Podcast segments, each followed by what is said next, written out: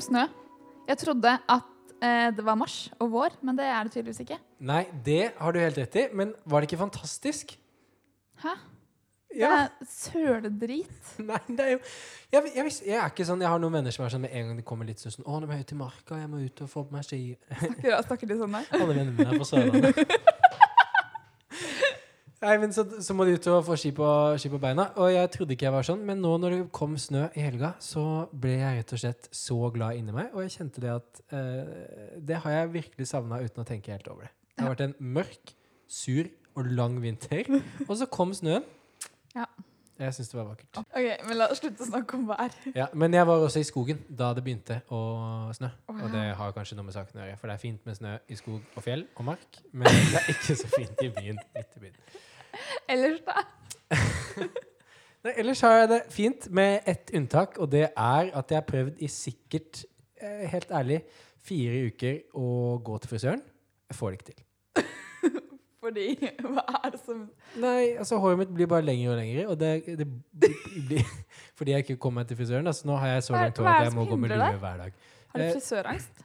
Ikke frisørangst. Eh, bare det at frisøren alltid er stengt når jeg er ferdig med dagens gjøremål. på en måte. Sånn at det, Det, jo, det er frisører overalt! Ja, men frisørene stenger jo sånn fem-seks. Nei, det tror jeg ikke noe på. Jo, det eh, er helt sant, Jeg faktisk. vet at det er frisører på Oslo City. De er oppe til ti. Har du hatt en fin uke? Ja. Det eneste litt kjipe er at eh, jeg skal, skulle jo reise til New York på lørdag. Det skulle du! Ja. Og nå skal du ikke det lenger. Nei. Nei. Det er altså på FNs kvinnekommisjon, ikke sant? Ja, jeg skulle ut og redde verden. Men eh, så kommer dette der koronaviruset Ja. og avlyser hele greia. Så jeg må bli hjemme. Men det betyr jo at vi også kan lage podkast sammen neste uke. Det gjør det. For det kunne vi jo ikke hvis du var Nei. Nei, sant. Så det Silver er lining. en positiv nyhet med korona. Og det er at det blir én til episode, av, helt ærlig. Men jeg skulle jo lage episode bare uten deg. Ja, det er sant. Men da får vi Jeg gjøre det hadde sammen. det up i New York. Ja, ja. Ja, ja. Men eh, det er podkast denne uka, da. Det er det. Og vi får besøk av Sofie Frøysaa i egentlig litt sånn anledning kvinnedagen. Yes. Ja. Det er jo eh, den ja, 8. mars nå.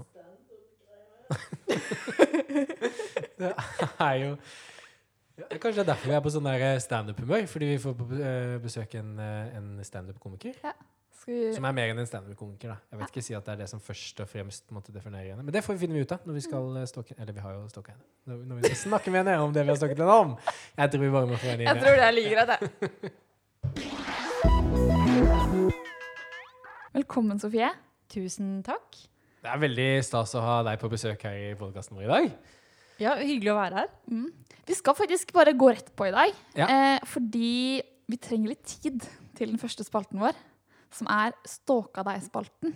Mm -hmm. um, og grunnen til det er at uh, det er mye, det er mye og altså det, det er gøy å stalke deg. Ja, men det er bra. Ja. Det er masse, det er masse forskjellig. Og en sånn stor bredde av alt du gjør. Em, så jeg tror vi bare må starte med det. OK. Du er, um, du er mye på Instagram.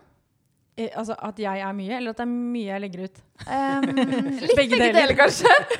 uh, og så uh, jobber du mye med, eller snakker mye om feminisme. Eh, og om kropp, ser vi. Og så slang du deg liksom så vidt med på den nyeste bloggkrigen. Eh, om liksom mobbing versus eh, ta til seg kritikk-debatten. Og så deltar du jo akkurat nå også på Camp Culinaris. ja, hvordan er, det, hvordan er det egentlig? Eller var det? Det er kanskje ikke direkte. Nei, eh, det var veldig spennende. Mm. Eh, mange personligheter samlet eh, i en liten hytte i Portør og på et trangt kjøkken med mye stress. Eh, ja, det er eh, Jeg tulla jo litt med da jeg var der også, at eh, jeg trodde at jeg var gæren. Eh, men da jeg fikk møte de andre deltakerne, så tenkte jeg at jeg var i godt selskap. Ja. Hvem er det du kjenner deg mest igjen i? da? um, jeg føler at jeg har litt av alle i meg, jeg, egentlig. Ja. Minst Anna Anka, Ja, ikke sant? tror jeg. Ja. Mm. Men um, det var altså Det var sånn leirskolestemning eh, i voksen alder. Blir det, lett, blir ikke lettere med alderen? blir det det? Nei. Nei. Og man så jo allerede første timen vi kom til hytta, at det ble jo problemer knyttet til hvor vi skulle sove. Så jeg skjønte jo veldig fort at uh, dette kan bli spennende. Og mange, mange divanykker og ja, i det hele tatt. Og så er det jo noe med at uh, man skal jo eller produksjonen vil jo at du skal se dum ut på TV òg. Mm. Så de gjør det jo litt vanskeligere, sånn at vi skal se ekstra idioter ut. Og ikke få til helt sånn elementære ting på kjøkkenet. uh, og da er det fint å kunne buda på det at folk der hjemme sitter og tenker Men herlighet, hvor vanskelig er det å skrelle en potet? ja, uh, Men det var ikke bare sånn uh, potetskrelling dere holdt på med på det kjøkkenet. da. Fordi Jeg har, innrømme, jeg har ikke sett Camp Culinaris på TV, men jeg har fått med meg nyhetssaken om hvordan man ikke skal drepe strandkrabber. Hvordan man da fikk i oppgave å putte masse strandkrabber. Det er sånne krabber som man uh, fisker etter som barn ikke sant? på Mhm, stranda. Oppi mhm. en gryte. Og så dælje løs med ikke en kjevle, men en, En en sleiv Mm. eh, for å avlive dem. Mm. Eh, det skapte jo litt sånn furore i, i media, i hvert fall. Ja, og det er jeg jo glad for, fordi at eh, jeg sto jo der og tenkte at dette her er jo ikke forsvarlig. Dette er helt forferdelig. Eh, og jeg reagerte flere ganger og, og sa jo fra til produksjonen at dette her kan vi ikke gjøre. Altså, det var snakk om å legge litt olje i bunnen av en gryte og så bare eh, liksom kaste disse stakkars krabbene oppå eh, hverandre og liksom oppi denne gryta. Og de kravlet jo oppover gryta. Det var helt forferdelig å se på. Eh, og det er jo så inhumant, ikke sant. Så um, jeg er glad for at det fikk kritikk, for jeg sto der og kritiserte det ganske kraftig der nede. Og ja, det, uff, det var ikke bra. Ikke bra. En annen ting som kommer frem når vi stalker deg, det er at det er kanskje ikke første gang du har med strandkrabber å gjøre, fordi du er jo fra Grimstad. Oi, det var fin Var bro. det bra, bro? Og det er du òg, er det ikke? Og det er jeg òg. Ja. Kondolerer for det. Ja, takk. Ja, Eh, jeg tok med meg skarre-r-en eh, fra Mm. Grimstad. Det gjorde ikke du. Nei, nå høres det bare ut som du er fra Bærum.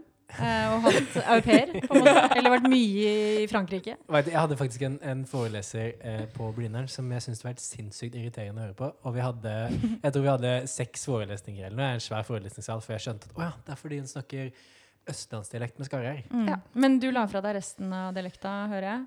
Ja, eller jeg tror jeg bare alltid har vært litt, uh, litt språkforvirra med foreldre fra andre steder. Kan jeg spørre hvor du er fra i Grimstad?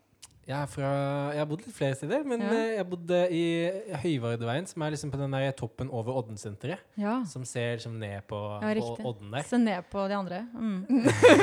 Men så flytta vi, da. Ja, ok. I ung alder til Gros. Ja, til Gros, ja. Ja. Det er der Skrallfestivalen er, for de som Var. hører på og har lyst til å dra på? Norges fineste festival. Var er Var. ikke lenger.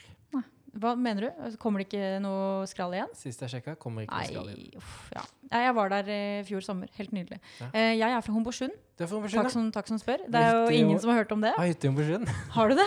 Ja, Nå blir det veldig Ja, lokalt. veldig lokalt. Jeg vet- ikke hva dere snakker om, men bare kjør på, dere. Det er som du vet det treet oppi dumpa. Eh, Homborsund er eh, et veldig lite sted eh, hvor virkelig alle kjenner alle. Men jeg bodde der bare til jeg var åtte, og så flyttet jeg til eh, Oslo, og så til Bærum, og så til Nesodden. Jeg har vært på sånn norgesturné, mm. egentlig.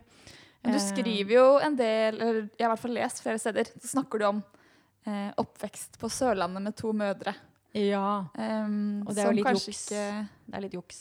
Ja, men allikevel, da. Ja. Det, var, rømte dere? Eller var det liksom andre grunner til at dere flytta? Eh, nei, det skal sies at uh, mamma kom ut av det berømte skapet Mhm. eh, som burde skrinlegges. Man må finne et annet uttrykk enn å Ja. komme ut av et skap. Det er veldig fælt eh, å si. Men eh, eh, hun kom jo ut, da. Som seg selv. Eh, etter at vi hadde flyttet fra Sørlandet. Eh, og grunnen til at vi flyttet, er jo delt. Det er både fordi mamma kom inn på KIO, hun er kunstner, Ja. billedkunstner og keramiker. Eh, men også fordi det ikke var eh, god S å bo i tjukkeste bibelbeltet på den tiden da mamma kom ut. da. Så det var jo vinn-vinn, vil jeg si. Mm. Ehm, ja, så jeg er veldig glad for at vi flytta, både for hennes del, men også for min egen del. Ehm, ja, Mm. det kan jeg jo si. Og jeg har jo gjort en del narr av bibelbeltet fordi jeg ser jo de, de sakene som viser at der hvor det ofte henger igjen, da, eh, sånn fordomsmessig og er minst inkluderende når det kommer til homofile, når det kommer til likestilling, det er jo ofte på Sørlandet, da. Mm. Det er jo Um. faktisk rett og slett litt sånn eh, påfallende. Eh, det er jo sånn, Hvis du liksom ser på et kart over en del av disse holdningene, og så legger du ut på en måte Mhm. over hele Norge, så Mm. ser du at en del av de tingene som vi tenker på som eh, kanskje i hvert fall eh, i beste fall litt lite liberale holdninger, Mm. eh, har hovedsakelig hoved, eh, fotfeste fra liksom Sør-Vestlandet og Mm, nedover mm. til Mitt kjære hjemsted Grimstad. ja, ja. Ja. Men kjenner du deg igjen, Håvard? Har du også liksom vokst opp med disse, med disse holdningene? Hadde du de rundt deg? Jeg bodde i Grimstad litt lenger enn deg, eh, og har nok da også et litt mer positivt eh, eh, Mm. forhold til Grimstad, Mm. får jeg inntrykk av. Eh, og blant mine venner og i det miljøet som jeg vokste opp i, så var det ikke utprega eh, negativitet tilknytta disse temaene. Nei. Så jeg føler at min oppvekst nok ikke har vært så veldig annerledes fra andres oppvekst. Det er jo godt å høre, da. Men gikk du Ja. på videregående i Grimstad også, eller? Jeg gjorde det på musikkdansdrama, Ja, så det var kanskje litt Ja. sånn eh, Du fant din gjeng. Jeg fant min gjeng. Um, det er jo noe med at den yngre generasjonen er jo noe helt annet enn den eldre. Og det er jo kanskje fordi at jeg har familie som bor i Grimstad, og mange av de Altså en ting er liksom søsknene mine, fostersøsknene mine. Um, de har jo et veldig fint nettverk, men så har du jo besteforeldrene mine som ikke har de vennene som på en måte heier på mamma og at vi går i pride, da, for å si det sånn. Ja. Så det er jo kanskje hva jeg møter på når jeg er nede på besøk også. Ja. Det skal sies. Ja. Andre ting vi ser om deg. Du har skrevet en bok, 'Jenteloven', sammen med Ulrikke Falk. Mm. Du hadde lenge podkasten Terapi. ja. Eh, og så er det vært en sånn stor sak som vi så litt på eh, før du kom. Ja, Maria viste meg. Ja, denne store liksom, Ja. eh, retusjeringsskandalen. Eh, hvor det er jo Altså, mer ironisk kan det på en måte ikke bli, tenker jeg. Nei. Eh, du hadde en eh, sak i L som het eh, 'Jeg eier kroppen min'. Mm. Eh, med liksom det største, mest retusjerte bildet. Ja. Eh, som jeg, da jeg så det første gang, så i, feeden, sikkert fordi du hadde lagt ut, da, så eh, skjønte jeg ikke hvem det var. Nei, ikke sant. Eh, og så så jeg at det er du som har lagt ut, og da ble jeg litt sånn Det tok flere runder før jeg så at det var deg. Mhm. Eh, og så tok det vel Hvor lang tid tok det før de innrømmet at de hadde retusjert det? Eh, de har fortsatt ikke innrømt det. Altså, Nei, var det ikke litt sånn eh, Hva var det de sa de hadde gjort? Litt, De sa at de hadde brukt sofistikert lys. Ja. Eh, som Jeg bruker bare usofistikert lys. jeg. Ja, nei, jeg vet ikke hva sofistikert lys er. Men eh, det kunne jo ikke bli mer ironisk eh, eller parodisk, da, som du sier. Det er jo det er så utrolig eh, komitragisk når overskriften er at jeg eier kroppen min, Mm. og tydeligvis ikke.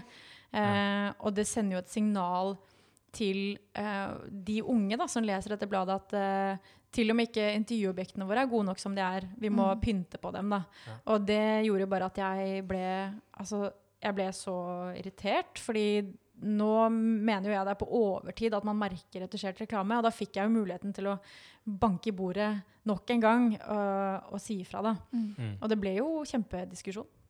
Ja, det ble jo en stor debatt. Og så Mm.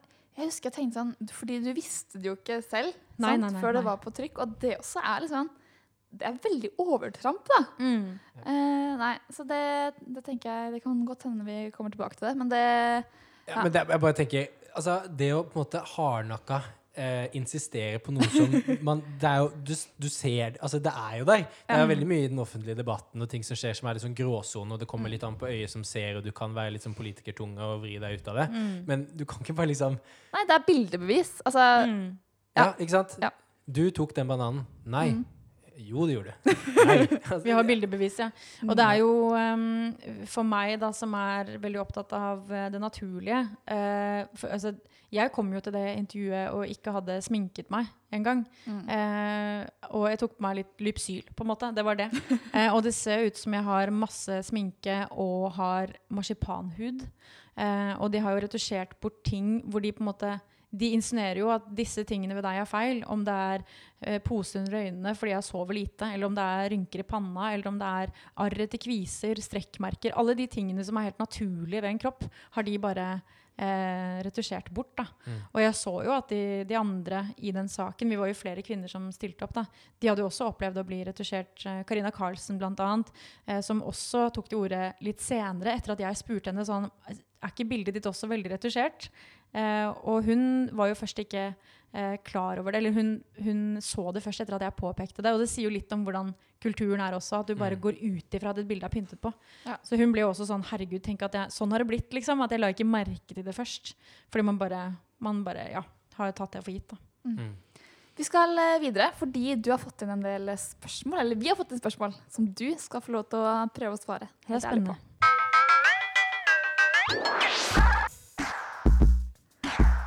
Hvor mye tid bruker du på sosiale medier i løpet av en dag? Jeg bruker eh, sikkert litt for mye tid. Eh, fordi jeg tar meg tid til å svare på alt av meldinger. Eh, og da er det ikke noe autosvar, da er det personlige svar. Hva er litt for mye tid, da? Um, ja, det er kanskje fire-fem timer til sammen. Altså hvis jeg legger sammen morgen og litt på dagen, og ofte kveld. Men jeg tror jeg er ca. like mye på sosiale medier. Mm. Ja. Jeg begynte å bruke sånn, eh, en sånn app som viser hvor mye tid jeg bruker. Ja, det er lurt. Ja. På Er det egentlig lurt? Vil man egentlig ha den informasjonen? ja. Ja, Det er jo litt okay. som den appen eh, Altså den funksjonen i nettbanken din, å se hva du bruker penger på. Det er vondt, men det er lurt. Det er lurt. Ja eller nei? Skjønner du hvorfor noen syns det er vanskelig å kalle seg feminist? Ja.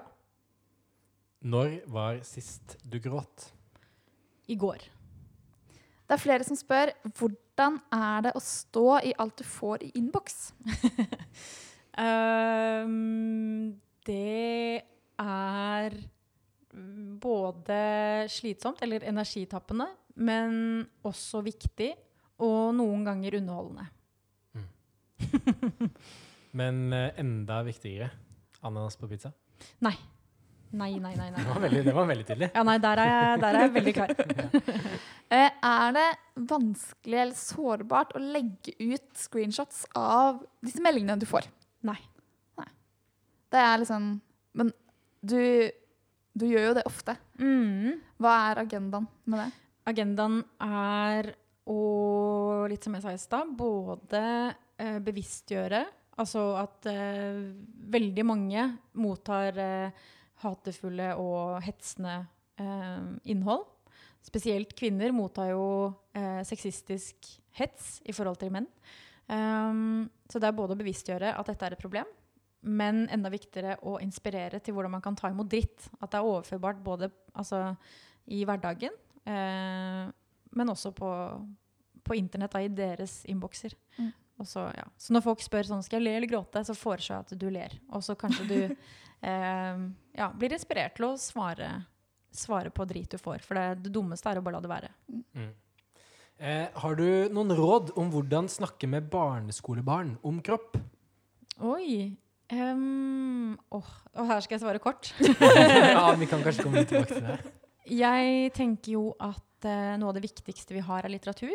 Eh, og sammensatt litteratur. Og tilby barn og unge eh, litteratur som viser til mangfold.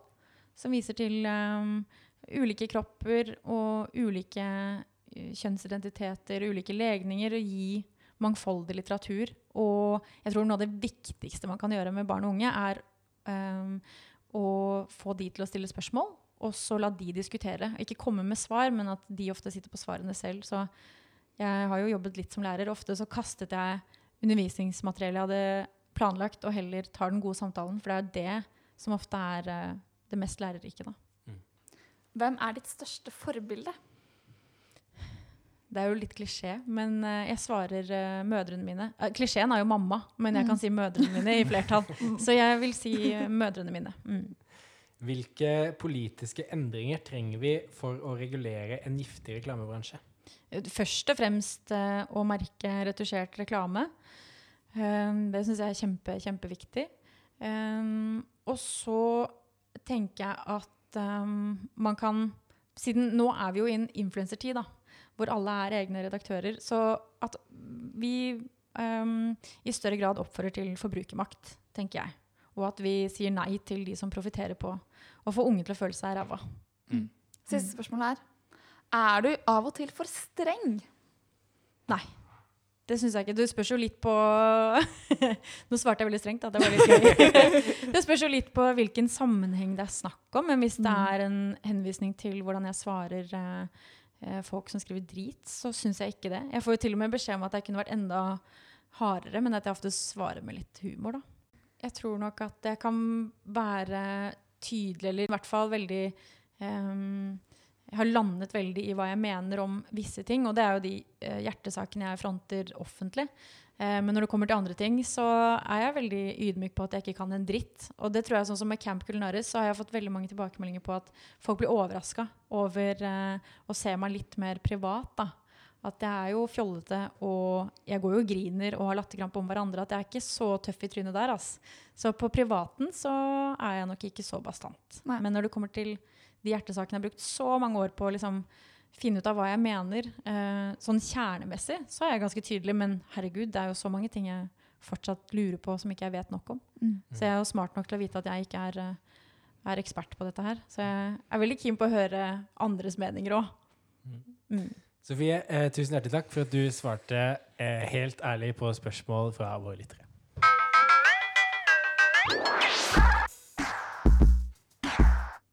Jeg har lyst til å trekke, trekke en tråd. Um, Gjør det. ja, fordi på søndag så er det 8. mars. Mm. Eh, og derfor så har jeg lyst til å gå tilbake til det ene spørsmålet. som Og 8. du- mars er jo da den internasjonale kvinnedagen. Ja. Var det, var det Burde Nei, vi- jeg vi- vi- Jeg tok det for gitt, jeg, men det var kanskje litt uh... Ja, vi må, vi må ha med alle på Vi må ha med alle. Ja. Eh, kvinnedagen. Um, du svarte veldig flink, svare superkort på spørsmålet om du skjønner hvorfor noen syns det er vanskelig å kalle seg feminist. Det skjønner du. Absolutt. Um, jeg tenkte Ja, vil du si noe mer om det? Jeg tenker at um, det er pga. misforståelser eller myter knyttet til begrepet. Uh, og jeg kan jo selv huske tilbake til da jeg var yngre og hadde en opplevelse av at feministbevegelsen er litt sånn elitistisk, eller at det er noe sett med regler knyttet til hvordan være en riktig feminist. Um, men jeg tenker at det er viktig at eh, ja, unge og egentlig hvem som helst kan få lov til å definere litt selv hva det legger i det. Eh, men at um, um, det viktigste er jo at det handler om likestilling, da. Eh, og at motsatsen er jo å være sexist. Og det er jo ikke Det er Trump og de gutta der. Eh, det Hvilken gjeng er du i, liksom? Men det er vel ganske mange flere eh, som på, eh, Nei, hvordan blir det, da? Det er ganske mange flere som ikke vil kalle seg feminist, enn som samtidig vil kalle seg sexist. På en måte. Mm, det, er, mm. det er jo en sånn, et gap der, da, på en Mm. måte. Ja, absolutt. Og jeg tror jo virkelig at eh, all, altså, de aller, aller, aller, aller fleste er feminister. Eh, det opplever jeg jo, eh, selv om de kanskje ikke nødvendigvis vet hva det innebærer. Da. For hvis du spør er du for likestilling, ja, ja men da er du jo feminist. Ja? Um, så jeg tror, um, jeg tror det er derfor, og at det er noen myter som fortsatt henger. Man må forklare at nei, vi hater ikke menn. For hvis du hater menn og påstår du er feminist, så er du jo ikke feminist, for da faller jo et annet kjønn bort. Og det er jo hele likestillingsprinsippet, da. Mm. Um, så det er jo noen myter som fortsatt må, må viskes vekk. Og jeg skjønner at noen syns det er litt skummelt, fordi du vet jo også at du får masse reaksjoner. ikke sant? Det er jo, Sier du at du er feminist, så vet du at kommentarfeltet våkner, og at du må forsvare eh, hvorfor du er det. da. Så jeg Mm. skjønner jo det. At man ikke er keen på å stå i den kampen heller. Ja, men også er vi kanskje nå i dette lille podkaststudioet vårt litt sånn pinlig enige eh, om at feminisme er viktig, og vi er feminister, tror jeg, alle vi som sitter her i dette rommet. Eh, sånn at eh, Men jeg kan jo allikevel forstå Jeg pleier å gå i, i tog på kvinnedagen hvert eh, år. Eh, men kan jo forstå ut ifra på en måte en del av liksom eh, både sakene som løftes, eh, fremtoningen på arrangementet osv., at det er folk som ikke føler seg definert inn i den gruppen. Og det kan både handle om på en måte politisk ståsted, fordi spesielt eller 8. mars har jo eh, ganske mange på en måte røde politiske elementer ved seg. Mm. Selv om det er jo enkeltsaker, så det er ikke gitt at de skal høre til venstre eller høyresida politisk, Mm. egentlig. Eh, men jeg kan jo da eh, altså Jeg har mange venner som, som, som er feminister, og som gjerne, kunne, kunne, som gjerne tar, eh, tar kampen for at alle skal ha like rettigheter, men som allikevel ikke føler seg på en måte komfortable i det selskapet. Mm. Og det er jo litt utfordrende når vi samtidig sier at feminisme er for alle. Er det ikke det? Jo, uh, og det er jo venstresidas initiativ til å begynne med. Uh, og at kvinnesak har jo tradisjonelt sett, eller historisk sett, vært forbundet med venstresiden. Da. Men jeg tenker jo at det handler jo ikke bare om 8. mars. Det er jo, altså Hverdagsaktivisme syns jo jeg er det absolutt viktigste. Og det er jo de som står opp for seg selv eller andre på jobb, f.eks. Eh, og som orker å ta de kampene. Eh, og at man må ikke gå i tog eller man må ikke skrive kronikk for å være feminist. Det tenker jeg er liksom på helt sånn grasrotnivå. Og at det Om man ikke går i tog, så kan du jo fortsatt være feminist eh, altså ja, virkelig hver dag. Absolutt. Så- Men vi vil jo ha med så mange som mulig i det toget allikevel, på en måte. Ja, men um, jeg bare tror at det viktigste sånn Ja, jeg tror det viktigste skjer altså i hverdagen, da. Mm. Så Og det, ja, det er jo litt sånn jeg tror ikke det, Jeg tror ikke det er ensbetydende med at du er feminist at du går i 8. mars-toget, da. Nei. Mm. Man skal ikke shame noen for at de vil la være heller, på en måte. Eller Nei. sånn at da er du en feil feminist. For det er jo litt tilbake til det at Ja. Man eh, legger noen føringer for hva det er å være riktig feminist. Og det, da tror jeg man eh, spenner bein på seg selv. Enig. Hvil- Hvilken kamp tenker du at um, det er viktigst at vi tar nå? Jeg syns Det er jo flere saker, men jeg tenker at rettssikkerhet er noe av det aller, aller viktigste. Eh, for vi ser jo at eh, antall anmeldelser eh, vold eksempel mot kvinner øker, og at partnervold, eh, eller partnerdrap Øker vold mot kvinner? Altså Ja, i hvert fall anmeldelser Ja. av, eh, Ja. av vold. Um, og jeg, jeg tenker at det er noe av det absolutt viktigste eh, nå. Og det er bare helt sånn grunnleggende en sånn, at du skal være trygg. mm. Internasjonalt, Håvard. Du jobber jo en del med, med kjønnsrettigheter også internasjonalt. Ja. Hvor, hva tenker du er liksom, den største utfordringen vi står overfor nå? Akkurat det du nevner med vold mot kvinner, er jo Mm. mega, megastort. eh, Og spesielt rettssikkerhet, hvor det i eh, ja, jeg jobber i KFK5 Global, hvor Mm. vi driver med internasjonalt solidaritetsarbeid. Og en av de Altså I mange av landene vi jobber, så er det jo ikke kriminelt heller eh, å Mm, slå mm. partneren din, f.eks. Mm. Så det er på en måte blir betegnet som et familieanliggende. Mm. Eh, Det at man eh, slår kona si litt. Eh, eller voldtar kona si. Eller andre, andre typer forferdelige hendelser. Så det å sørge for at den rettssikkerheten Selvsagt alle er frie og like for loven, på en måte. Mm, Det, mm. det, det er så grunnleggende eh, i de aller, aller fleste samfunn. Eller Mm. Ja, bør i hvert fall være det. Mm. Eh, så det er nok eh, absolutt eh, høyt på agendaen. En annen ting som vi har jobba mye med, er dette med at alle stemmer må med i fredsprosesser og ulike politiske prosesser. Både um, ungdom og kvinner er jo grovt underrepresentert der hvor beslutninger tas. Mm. Og da det er jo helt åpenbart at uh, altså på Stortinget sitter det hva da, 169 stortingsrepresentanter. Og hvis alle de er menn som skal bestemme hvordan det er å ha mensen, eller på en måte hvordan eh, ting som relaterer til det er, så får du ikke god, god uh, helsepolitikk på det Mm, området. mm. Så man trenger, man trenger god representasjon da, blant folk der hvor beslutninger tas. Og spesielt også i fredsprosesser i mange land, hvor da, hvis du utelater halve befolkningen, så kan du umulig lage en fred som er rettferdig for alle. enig, enig. Mm. Ja, så de to tingene tenker jeg internasjonalt er, er, er veldig viktig. Mm. Apropos mensen. Har ikke Skottland vært nå ute, eh, sier jeg feil, og gjort eh, sanitetsprodukter gratis? Jo, eller Irland. Husker Irland? ikke om det er Skottland eller Irland. Det er jo same, same. Potato, potato. nei, det er, det er ikke, ikke, nei, ikke siter meg på Eller ja, nå har jeg allerede sitert meg på det. Men eh, jo, men det har jeg også hørt. Mm. Eh, og jeg har nettopp lært et nytt eh, ord faktisk i dag. Okay. Uh, mensmoms. Mm. Ja, eh, for Mm. første gang i, eh, i dag. Så det Ja, Vil du forklare oss hva det er? Nei, test. egentlig ikke. Jo, men det handler vel om at det er eh, at man vil ha bort eh, momsen på, eh, på sanitetsprodukter. Mm. Egentlig så burde det vel vært gratis. Ja, det er jo tullete at noe halve befolkningen ikke slipper unna. Skal koste penger. Mm. Eh, og så må man bruke penger på det, og ikke på, på ting man ja, Ja. Andre ting. Ja. Ja. Ja. Mm. ja. Bra. Jeg tror vi skal hoppe videre. Vi må videre. Um, vi lurer på hva, Sofie, syns du det er viktig å snakke helt ærlig om? Det er mange ting, da. Men i dag så har jeg lyst til å snakke helt ærlig om um, eh, hvor vanskelig det er å få hjelp når du eh, sliter eh, psykisk. Mm. Eh, det er jo en sak jeg har snakket om i media tidligere, som jeg vet du også brenner for. Eh, så det tenker jeg at det kan være en, en fin samtale å ta her. Mm. Siden vi jo Absolutt. er to som har opplevd um, sterk motstand fra det berømte systemet, da. Mm. Uh, altså bare sånn uh, veldig kort bakgrunnsinfo, da, så har jeg vært eh, pasient ja, over halve livet og har slitt veldig med å um, bli tatt på alvor eh, når jeg har oppsøkt hjelp eller forsøkt å få hjelp, da. Håvard, vi snakket jo litt om dette forrige gang.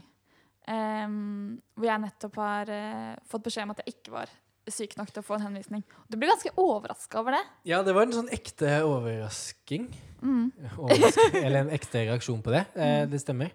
Eh, jeg har liksom Jeg tror jeg litt sånn naivt har tenkt at eh, vi har jo eh, et, et, godt helsesystem i Norge. Sånn at når man, hvis man trenger På lik linje som om jeg trenger en, liksom en helsesjekk med min fastlege på, for min fysiske helse, så det på en måte, har vi tilsvarende ordninger for den uh, psykiske helsen. Mm. Men uh, det ble jo brutalt uh, motbevist da du gikk til legen, Maria. Også mm. da du har, en gang du har vært hos legen tidligere. Mm, flere ganger. Ja, flere ganger. Mm.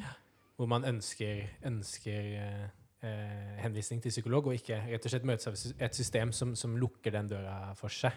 Hva, hva gjør man da? Nei, altså Det jeg syns er um, betegnende, da, eller en setning jeg har brukt flere ganger, er jo altså hvor frisk må du være for å få hjelp når du er syk? Mm. Uh, Fordi du, du skal um, Du skal jo um, ha et visst overskudd for å for det første be om hjelp. Det er det jo veldig mange som sliter med, og som altså, det sitter langt inne for hos veldig mange. Uh, en annen ting er jo at eh, terapi i seg selv fordrer veldig hardt arbeid.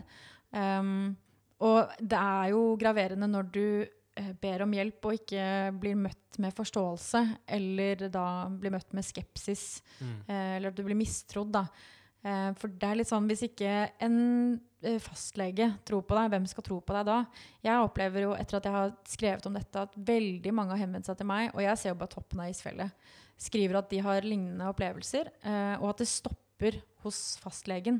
Og da tenker jeg at det er, det er jo en systematisk svikt i helsevesenet at ja, man blir overlatt til seg selv, da. Og at man da En konsekvens av det er jo at du blir enda dårligere. Og, hvis du er skikkelig skikkelig syk, så til slutt så kanskje ikke du orker da å ta tak i det. Og du har blitt møtt med, med avslag, og da, da, blir du kanskje isolert. Og i verste fall ja, kan jo ta livet ditt, rett og slett. Og det ser man jo. Og det er jo litt sånn spesielt nå i kjølvannet av, eh, av uh, Ari Behn. Uh, etter at disse hjelpelinjene ble så mye brukt at de ikke hadde kapasitet til å hjelpe alle som ringte inn, det, er jo, det er jo symptomatisk, tenker jeg, da, på mm. at, eh, at, det er et problem hvor veldig mange er overlatt til seg selv. Ja, men fordi, Som i så veldig mange andre områder i samfunnet, så jo, jo, lønner det seg jo med forebyggende tiltak. Mm. Så hvis du tar det steget, ikke sant, du går til legen og tenker at eh, OK, nå kjenner jeg at jeg er liksom utpå, men hvis mm. jeg får hjelp til å bare bearbeide disse greiene her, så går jo det nok bra. Mm. Så vil jo det være mye billigere for samfunnet for eksempel, enn at man skal sykemeldes og være ute i lang, lang tid osv. Så, mm. så, så hvordan eh, Har du noen tanker om hvorfor, dette, hvorfor, hvorfor skjer denne systemsvikten? Um, jeg tenker at uh, for det første så er det for lite fokus på mental helse uh, fremdeles. Selv om nå er vi jo i en tid hvor uh, alle snakker om mental helse. Og det er jo ikke lenger tabubelagt i den grad at vi ikke snakker om det, eller vi gir plass til det. Um, men jeg tror at det er for lite fokus på det i skolen. Altså Nå er jeg utdannet lærer, da, og, ser, og jeg så jo bare da jeg gikk på studiene at det var veldig lite fokus på det. Jeg håper jo at det endrer seg nå da, med ny læreplan og sånn. Um, men jeg syns jo det er spesielt at veld, jeg opplever at veldig mange skoler har liksom, ok, de har uh, fokus på det i forbindelse med mentale helsedagen. Og det er det. det, mm. det, er veldig rart at man har én dag i året. Jo, du har jo en mental helse hver eneste dag. Jeg tenker jo at um, et veldig viktig grep ville være å innføre psykologi i skolen. Eksempel. jeg syns det er helt kjempemerkelig at man ikke har det som et eget fag.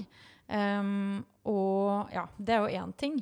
Uh, så jeg tror veldig mange får litt sånn sjokk når de blir voksne og plutselig må takle livet alene. At, uh, at livet kan være et helvete da, iblant. Mm. Um, og så tror jeg kanskje at når man snakker om det å være psykisk syk, så følger det med en del fordommer eh, rundt det. Eh, og at jeg tror det er viktig å normalisere at ja, nettopp det at alle kan bli eh, psykisk syke eller få utfordringer som gjør at man trenger litt ekstra hjelp. Da. Mm. Jeg tenker akkurat du snakker om nå, hadde man hatt det mer i skolen da, f.eks., eh, eller bare snakket mer om det generelt, da, så ville man kanskje godtatt det premisset om at man har både gode og dårlige dager. Mm. Eh, for jeg tenker jo at, mye ville løst seg der, da. Mm. Eh, og at vi ble flinkere til å snakke med hverandre. Mm. Eh, men når du liksom opplever å ikke bli tatt på alvor av en uh, eh, utdanna lege, mm. gjør det deg det, Syns du det er vanskeligere da å skulle snakke med andre? Altså med familie eller venner? Føler du at liksom, um, du får beskjed om at problemet ditt ikke er reelt, eller? Ehm, nei Altså, det er liksom både og. Nå har jo jeg heldigvis um, en familie hvor det er veldig mye åpenhet, og vi deler mye. Uh, og det samme gjelder jo vennene mine. Ehm, så akkurat det har ikke vært så vanskelig. Ehm, men altså, det gjør det jo det gjør det jo hva skal jeg si, Det blir jo vanskelig for dem da, med å sitte og ta imot det, det som uh, systemet burde tatt imot. på en måte. Så jeg kan jo ha følt på det noen ganger at uh, her kommer jeg drassende med mitt lass igjen. på en måte, Og at uh, det her burde jeg jo tatt eller fått profesjonell hjelp til. da. Men det er jo akkurat det at det er en utdannet lege som, som burde ta det på alvor. Og jeg opplever jo både for min egen del, men også det andre har fortalt, at det er akkurat som at en fastlege klarer å ta seg av liksom all, det allmennmedisinske. Men når det kommer til den delen av kroppen som er hjernen, så blir det plutselig veldig vanskelig. Eh, min lege sa jo at hun kunne ta det, hun. Hvis vi bare satte opp noen timer framover, sånn ti minutters sessions. liksom. Jeg bare OK. Det, ja. Men er det Jeg har ikke tenkt på det før, men er det liksom rett og slett litt sånn mangle i, i utdanning av allmennlærere, på en måte? Eller leger, da. Ja, le, sorry. Ja, det, det, det vil jeg jo tro. Eh, Ja. Eller det, det kan man jo få inntrykk av. eh, I hvert fall de jeg har pratet med, og hva jeg har opplevd. Da. Ja. Um, og det viktigste de kan gjøre, er jo bare sende en henvisning til de som kan det. Men det er akkurat Ja. som det stopper der. at det er liksom Jeg fikk jo også eh, altså Min lege sa jo for eksempel, Eller hun stilte spørsmålstegn ved ja, men du i din jobb, hvordan klarer du da å gå på scenen? Så var jeg sånn, men herlighet, du har jo en dårlig dag innimellom, du òg. Du legger deg jo ikke ned på gulvet og griner her. Du må jo ta deg sammen. Akkurat som alle andre må. Um, så det er jo ikke sånn at det ene utelukker det andre, på en måte. Jeg kan jo og jeg kan også ta meg sammen for de 20 minuttene jeg så på scenen. Jeg kan sitte og gråte før jeg går på scenen. Gå på scenen, gå av og gråte. Det er liksom Det var nesten så jeg måtte sitte og liksom eh, Ja, bare overbevise henne om at um, at det er tilfellet. da. Som jeg sa, hva, hva er det jeg skal gjøre? Skal jeg sette meg ned her og trygle og Mm. grine for at du skal tro på meg? på en måte? Um, så det, og det også tror jeg handler litt om de stereotypene. Hva vil det si å være psykisk syk? Hva betyr det? Eh, og det er jo pasienten som definerer Hvis en pasient sier at dette går så utover livskvaliteten min at det ikke fungerer, så må man jo ta det på alvor, tenker jeg. Ja. Det er jo ikke noe du sier for gøy. Altså, og terapi er ikke noe gøy. Terapi er veldig veldig hardt arbeid. Ja, men, og det er kanskje litt min, den naiviteten min kommer inn. Da, fordi jeg, jeg på en måte har såpass høy grad av tillit til, eh, til dette systemet Mm. eh, at jeg tenker at nettopp da når pasienten kommer inn og sier Du gjør ikke det for gøy. Eh, Mm. Du, du går ikke inn der og sier at ja, nå, eh, du, Nei, du går jo rett og slett på riktig psykologen fordi det er gøy. Du gjør det Mm. fordi det er helt nødvendig. Mm. Men så har man ikke nok kapasitet. Da. Altså, man er nødt, altså, det er strenge krav til hvor dårlig du må være for å få hjelp. Mm. Fordi man har ikke en psykolog til alle. Eh, og det er liksom Det er en del av Ja. Jo, men Det er veldig strenge krav, da. Jeg skjønner det, men, Mm. men, men fortsatt så vil det jo være billigere, vil jeg tro, samfunnsøkonomisk også, eh, å Mm. gjøre den forebyggingen enn å vente til det har gått altfor galt. Mm. Det Tenk- også koster jo masse penger. Tenk hvis man kunne hatt en fast psykolog, akkurat som man har en fast lege. Det hadde vært eh, fantastisk. Ja.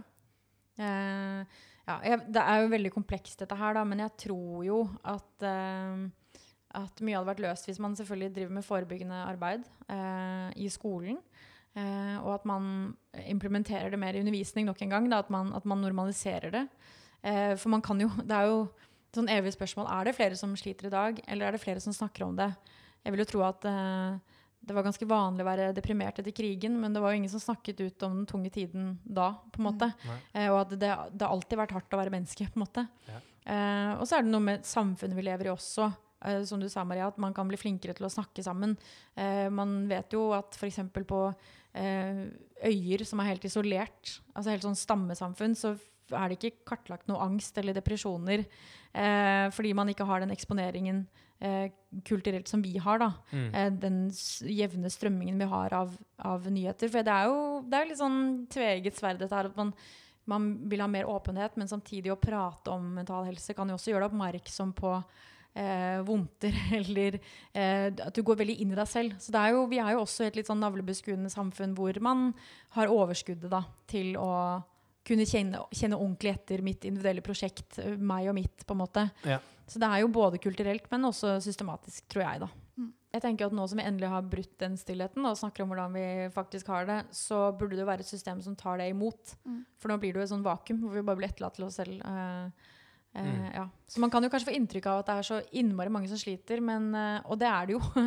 men da må man jo ta det på alvor og gjøre noe med det, tenker jeg. Mm. Men det er jo veldig interessant synes jeg, også hvordan du snakker om uh, dette. eh, hvor, du, hvor mange som måtte møte den lukka døra, eh, Mm. og det gjør nok sikkert du også på en dårlig dag, men ser innover og tenker at dette er min feil, eller jeg er ikke, okay, jeg er ikke dårlig nok, eller et eller annet. Mm. Men du refererer jo eh, hele tiden nå eh, til dette berømte systemet. Mm. Eh, ikke sant? Og det er jo en annen ting som du har jobbet mye med, med normkritikk. Eh, Mm. ikke sant? Mm. Eh, og kan du bare kort eh, eh, forklare for oss hva normkritikk er for noe? Ja, eh, og det er også en sak som eh, ikke får så mye plass. Altså, jeg holder jo foredrag og spør jo ofte eh, de i salen om de har hørt om normkritikk, og det er jo veldig få som rekker opp hånda. Jeg ble først opptatt av det da jeg skrev bacheloroppgave på lærerskolen om transpersoners rettigheter i skolen. Eh, hvor jeg skrev at normkritikk eller normkritisk pedagogikk kan være én måte å inkludere transpersoner på. Eh, og normkritikk handler om å eh, se på de bakenforliggende årsakene til hvorfor noe blir ansett som normalt, og noe blir ansett som unormalt. Og sånn, Den norske skolen er veldig preget av en sånn eh, antidiskriminerende pedagogikk, eller en toleransepedagogikk, som egentlig tilsier at vi skal være snille med de andre. Eh, vi som Mm. er i en majoritet, skal være greie med minoritetene. Og da blir det jo et sånt oss og dem-skille. ikke sant? Da blir det sånn ja, unødvendig skille. Eh, litt ovenfra og ned. Eh, eller ikke litt, veldig ovenfra og ned. Um, og det virker bare mot sin hensikt. ikke sant? Og det, i normkritikk så, ja, så stiller man de kritiske spørsmålene, som f.eks. når det kommer til mental helse. Hvorfor er det ansett som normalt å ha det bra? Eh, og hvorfor er det unormalt å ha det kjipt eller Mm. slite? Jeg tenker jo at det er jo he- helt veldig merkelig konklusjon. Ja, det er like normalt å gråte som å le, liksom. Absolutt. Ja, vi blir jo født gråtende. Ja. På en måte, det er jo heller noe rart hvis barnet ikke gråter. Da tenker man oi, her er det noe galt. Um, Da slår du det jo faktisk. Ja. Og Kanskje ikke det, ja. kanskje ikke det man skal gjøre i voksen alder. ja, nei. nei. Um, og, eller at det er um, Jeg hører så ofte det normalitetsbegrepet blir kasta rundt. Sånn, ja, det er ikke normalt. Um, eller nei, det er unormalt. Jeg tenker Det er jo ingenting som er unormalt. Altså, noen ting viker fra normalen hvis ja, nå er Det her jo et minefelt, da, men det er jo no, noen ting som, som man kanskje trenger hjelp til, som ikke er normalt. Men, eh, men det aller meste er jo normalt. Eh, følelser er normalt. Eh, lidelser er normalt.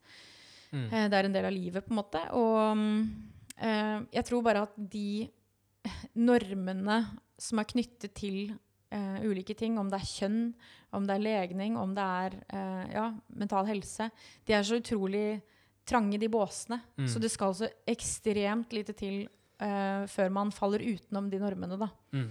Eh, og det ser man jo i skolen nå. Altså, skolen tar jo utgangspunkt i den gjennomsnittlige eleven, og hvem er det?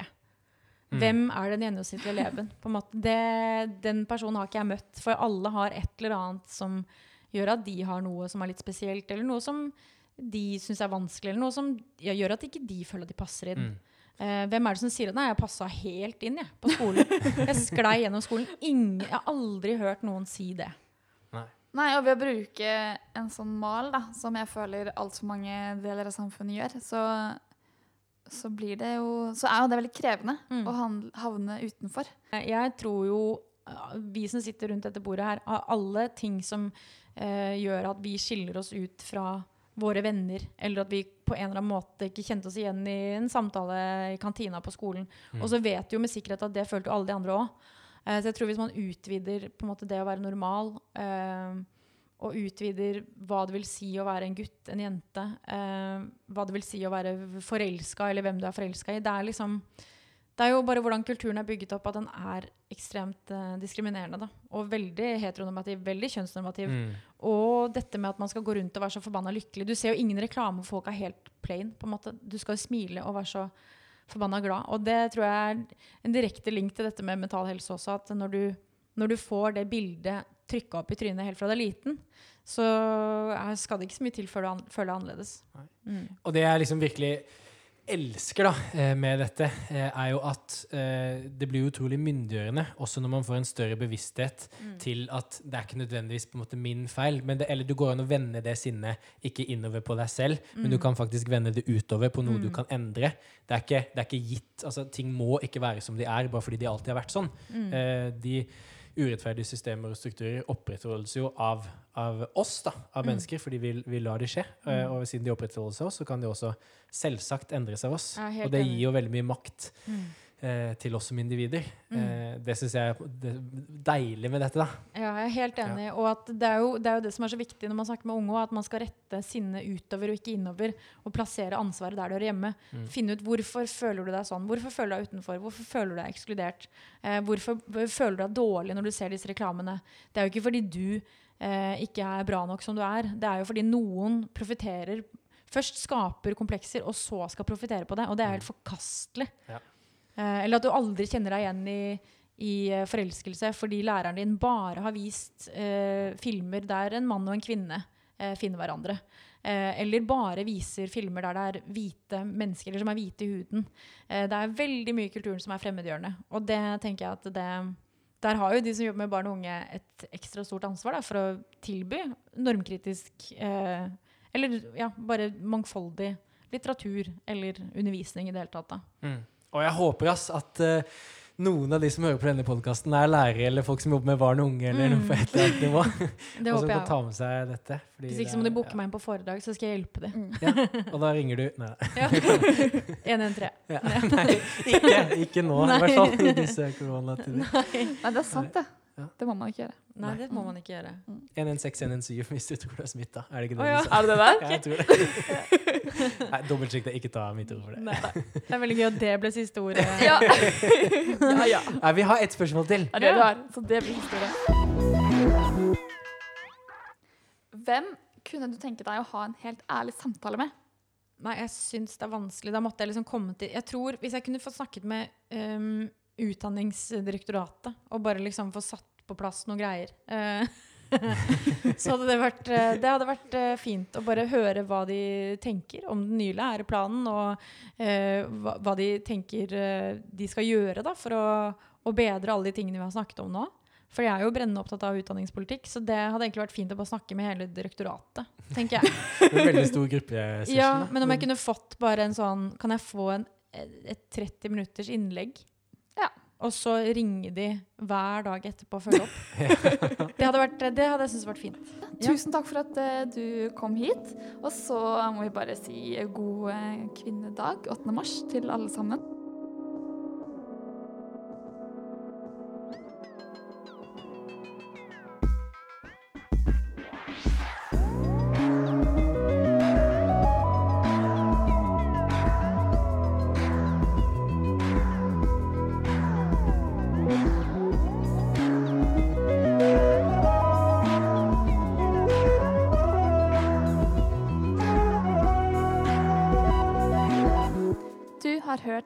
Ærlig pod, musikk av Øyvind Skjærdal, produsert av Ingrid Elise Sigmundstad for KFK KFM Norge.